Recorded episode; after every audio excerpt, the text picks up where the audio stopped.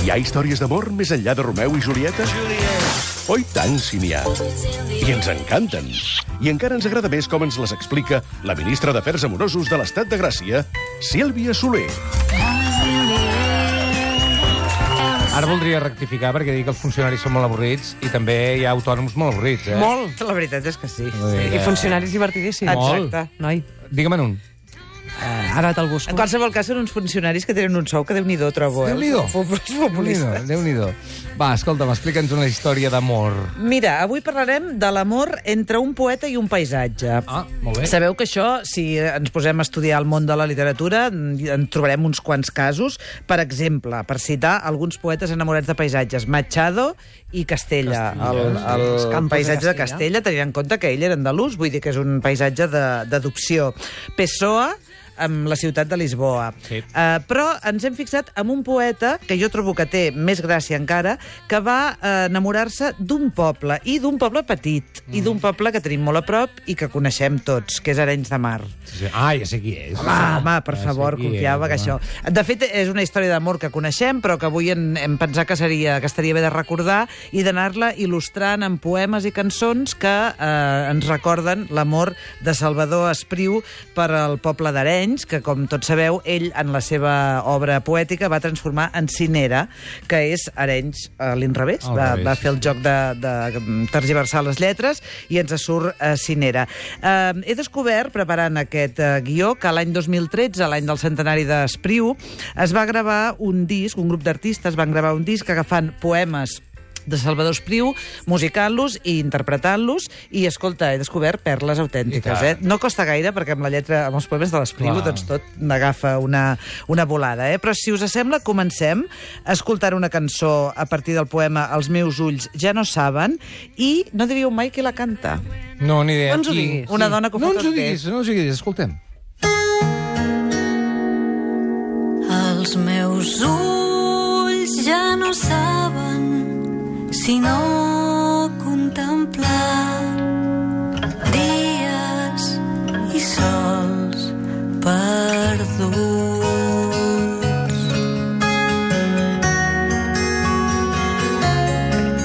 No sé qui és, eh? La coneixes o no? Sona molt, eh? És una veu coneguda, eh? Eh, Però, clar, no és cantant. Ara, no l'has sentit cantant. Bueno, canta No molt bé, gaire. però... Us he donat una pista, us he dit que és una dona que ho fa tot bé. Ah, Com sento la meva mare. velles tartanes pel rials de La Clara Segura. Jo, Ole. per mi va ser un descobriment perquè no, una actriu espectacular que fa bé la comèdia, que va fer el, fa bé el drama, ho fa bé tot, però jo no sabia que també cantava tan bé. Doncs Clara Segura interpretant aquest Els meus ulls ja no saben.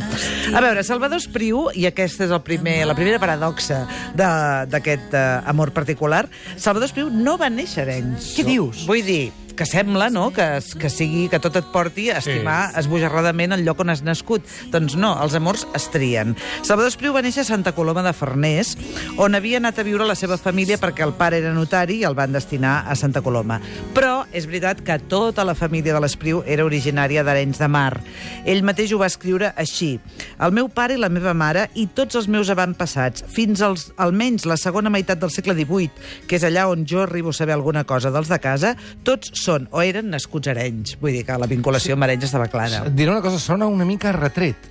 Eh? De dir, Sí, no? Per què, per què em Per vau treure d'aquí? Sí, sí, sí, sí, sí, és veritat. Més que els meus pares, no?, que em van, fer, van anar a fer-me néixer a Figueres perquè volien que anéssim a Figueres Ah, quan que ja bo. vivien fora. Molt. Doncs ells ho van fer al revés. Eren tots arenys, Sí, sí, però, sí. però ell va néixer la a Santa feina, Coloma de suposo, Farners. sí, Sí, sí, sí, era notari el seu pare. La família Espriu eh, van tenir tres nens i dues nenes. En Salvador era el segon d'aquests cinc germans. Va viure uns anys a Santa Coloma de Farners, però van acabar vivint a Barcelona. Tot i així, van conservar tota la vida la casa d'Arenys, la casa familiar, que és, la van transformar, diguem, en casa d'estiuets. De manera que quan començava l'estiu, eh, hem de pensar que hem d'anar molts anys enrere, que els estius eren molt llargs, no? per Sant Joan ja començava l'estiu i fins a finals de setembre, els nois, els nens, amb els avis, s'anaven a Arenys de Mar eh, i tenien els avis i la resta de la família, cosins, tiets, etc. De manera que Arenys era l'escenari de tots els estius de la infantesa d'Espriu, i tots sabem que els estius de la infantesa és un sinònim de felicitat. Sí. Per tant, Arenys era realment... La el- pàtria, que deia aquella és Sí, l'infantesa, senyor. i concretament, I la, concretament. la capital és l'estiu de la L'estiu, infantesa. exactament. Oi, que bonic estiu, això, Roger. M'ha agradat molt. Ai, eh? gràcies! Posa-ho en un llibre, sisplau. Ai, Premi Sant Jordi, un altre cop.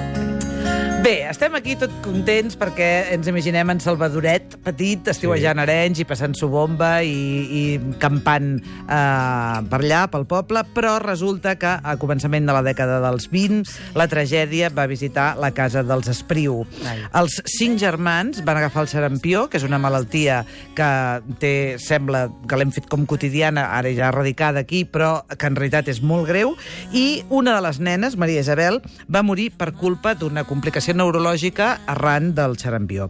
El mateix Salvador va tenir també una complicació pulmonar i va haver de passar molt de temps al llit el van enviar a Viladrau, perquè ja sabeu que deien que els aires de muntanya Sí. doncs, anaven bé, i el van allunyar una mica de la família. Però vaja, l'any 26, quan ja s'estaven recuperant d'aquesta pèrdua de la, de la mort de Maria Isabel, resulta que el germà gran, en Francesc, va caure al port d'Arenys, que estava en obres, i es va morir. No fotis. Carai. Sí, o sigui que van ser dues morts eh, molt seguides i a causa, segurament, d'aquest trauma, d'aquest trauma infantil i també de la salut delicada que li va quedar arran del sarampió, Sí. en Salvador va passar de ser un nen, diguem que entremaliat, juganer i divertit, a ser un nen, primer, més trist, Sí. Uh, després més protegit, perquè sí. com que tenia una salut delicada doncs el, el protegien molt, i que havia de passar llargues etapes de convalescència, no sé si al llit, però sí a casa. Això mm, té una conseqüència, i és que es va convertir en un gran lector. Ahà. De fet, si, si llegim biografies d'escriptors, n'hi ha molts Que dels grans, dels gran- grans escriptors. llargues èpoques sí, malalts i senyor. llegint. I que això eh, és el que els ha fet descobrir la literatura i els ha convertit en escriptors.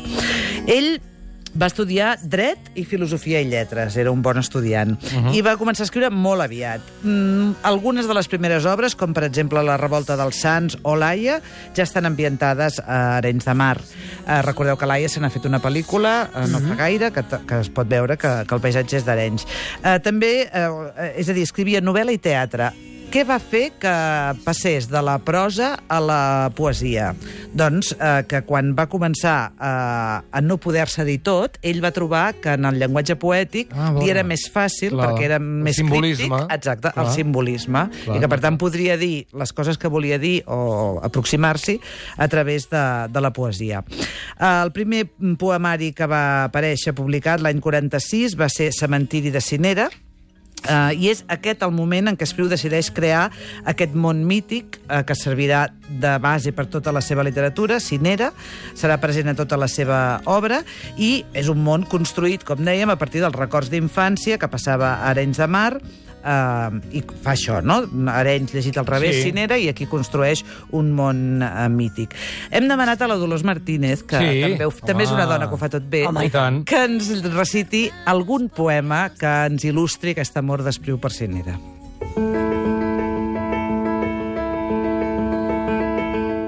Quina petita pàtria encercla el cementiri. Aquesta mar, cinera, turons de pins i vinya, pols de rials. No estimo res més excepte l'ombra viatgera d'un núvol. El lent record dels dies que són passats per sempre.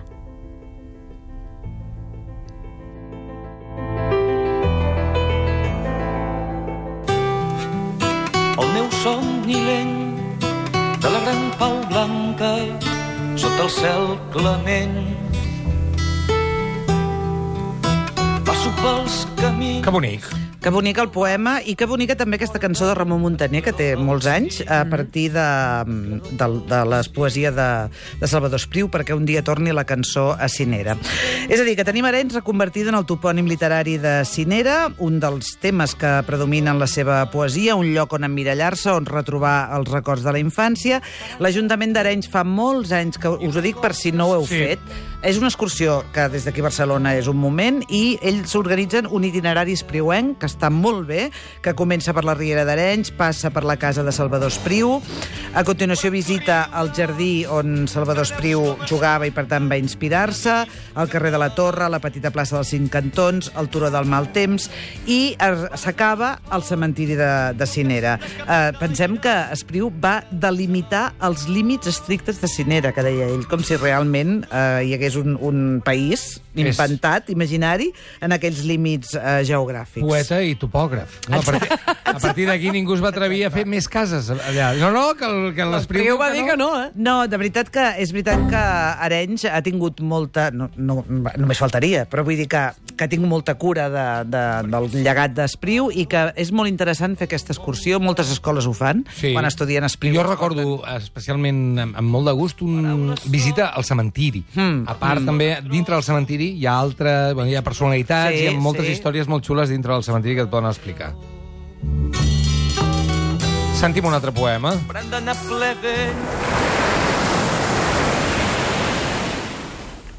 A la vora del mar. Tenia una casa, el meu somni, a la vora del mar.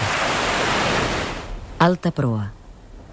Per lliures camins d'aigua, l'esbelta barca que jo manava. Els ulls sabien tot el repòs i l'ordre d'una petita pàtria. Com necessito cantar-te la besarda que fa la pluja als vidres. Avui cau nit de fosca damunt la meva casa. Les roques negres m'atrauen a naufragi. Captiu del càntic, el meu esforç inútil, qui pot guiar-me a l'alba? Ran de la mar tenia una casa, un lent somni.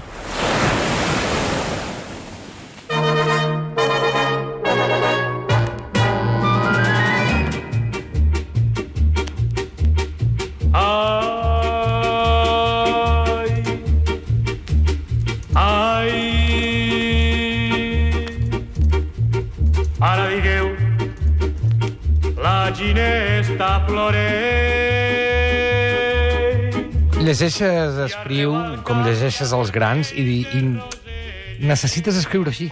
Oh, mira'l, no? mira'l, sí, No sí, t'agafa sí, allò de sí, dir, sí. "Ja!" Perquè, no, perquè més té aquesta cosa, l'Espriu, no?, que són... Eh, sembla fàcil, no? Sí. Tothom que fa bé les coses, quan ho veu, sembla que, que sigui fàcil fer-ho, no? Però en el cas d'Espriu també passa. Les roques negres m'atrauen a naufragi. És una Sí. frase que sembla tan senzilla i que diu tantíssimes coses, no? Heu vist que repeteix la petita pàtria, que és un concepte uh. -huh. eh, que s'ha repetit en els dos poemes que, que hem sentit, aquesta petita pàtria que per ell era cinera. Només per acabar, perquè no tenim gaire més temps, eh, m'agradaria recordar altres autors que també han mitificat el lloc on passaven els estius de la seva infància. Ai, digue'ns l'autor jo- i nosaltres direm al lloc, va. Va, Marcel Ja. Proust. Marcel Proust, Marcel Proust, allà on per ell caminava, el, el Camino de Swan. El Camino de Swan. Combré, Combré, que em sembla que es pronuncia Combré, em No sembla. És un poble francès Sí. que també es pot visitar eh, i que hi ha una ruta eh, il·lustrada, etc. Vull dir que... Deu ser una mica més llarga, aquesta ruta, perquè ell ja ho explicava Sí, ho llarg. feia, ho feia, ho feia llarg, ho feia llarg, és veritat. Més, més, més. Cortázar. Cortázar, Buenos, Una idea. Buenos Aires? Sí, bé, una casa a Banfield, que Banfield s'escriu que a 30 minuts de, de Buenos Aires. Val. En realitat parlava d'una casa concreta i, i sobretot d'un jardí, que això també és molt recurrent en les obres, pensem en Rodoreda, per exemple. Um, Cortázar va escriure Aquel jardín era mi reino, donde podía hacer y decir lo que quisiera. Allí creé mundos lacrimosos, románticos y bestiales, mundos que luego se reflejaron en parte de mi obra. Vull dir que Sí. realment... Allí también és un- escribiste libros que yo no he entendido todavía. Ja. Eso es, com- és complicat, eh, És Cortázar? complicat. En Que ja no t'apetece feia- entender. En Proust ho feia llarg i en Cortázar ho feia complicat. Ho hem de trobar un terme mig, home. Ens agrada més l'espriu. Paulo Coelho. Paulo No. Coelho. És el... Escolta, i Anna Maria Matute, que us en recordeu del nom del poble on passava la infància no. Maria Le Matute? guarde. Perquè, perquè ho deia molt sovint, eh? ho recordava era, molt era? sovint. Era el poble dels seus avis, a la Rioja, i es deia Mansilla de la Sierra. Oh. Ella deia, para mí es el espacio de la imaginación y de la fantasía. Es la historia de todas las historias que siempre quise contar. Molt bé. I tu? Jo, la Garrotxa, jo la Garrotxa. Ah, la Garrotxa, Però, perfecte. escolta'm, no, no em diguis adeu encara, que vull dir una frase, una frase molt bonica. Ràpid. Vinga, de l'Anne Swinger, una naturòloga americana. Diu, si al lloc on estiveja, estiuejàveu de petits hi havia un riu, sentireu la remor de l'aigua tota la vida. Uau. Molt bonica. Molt. Sí.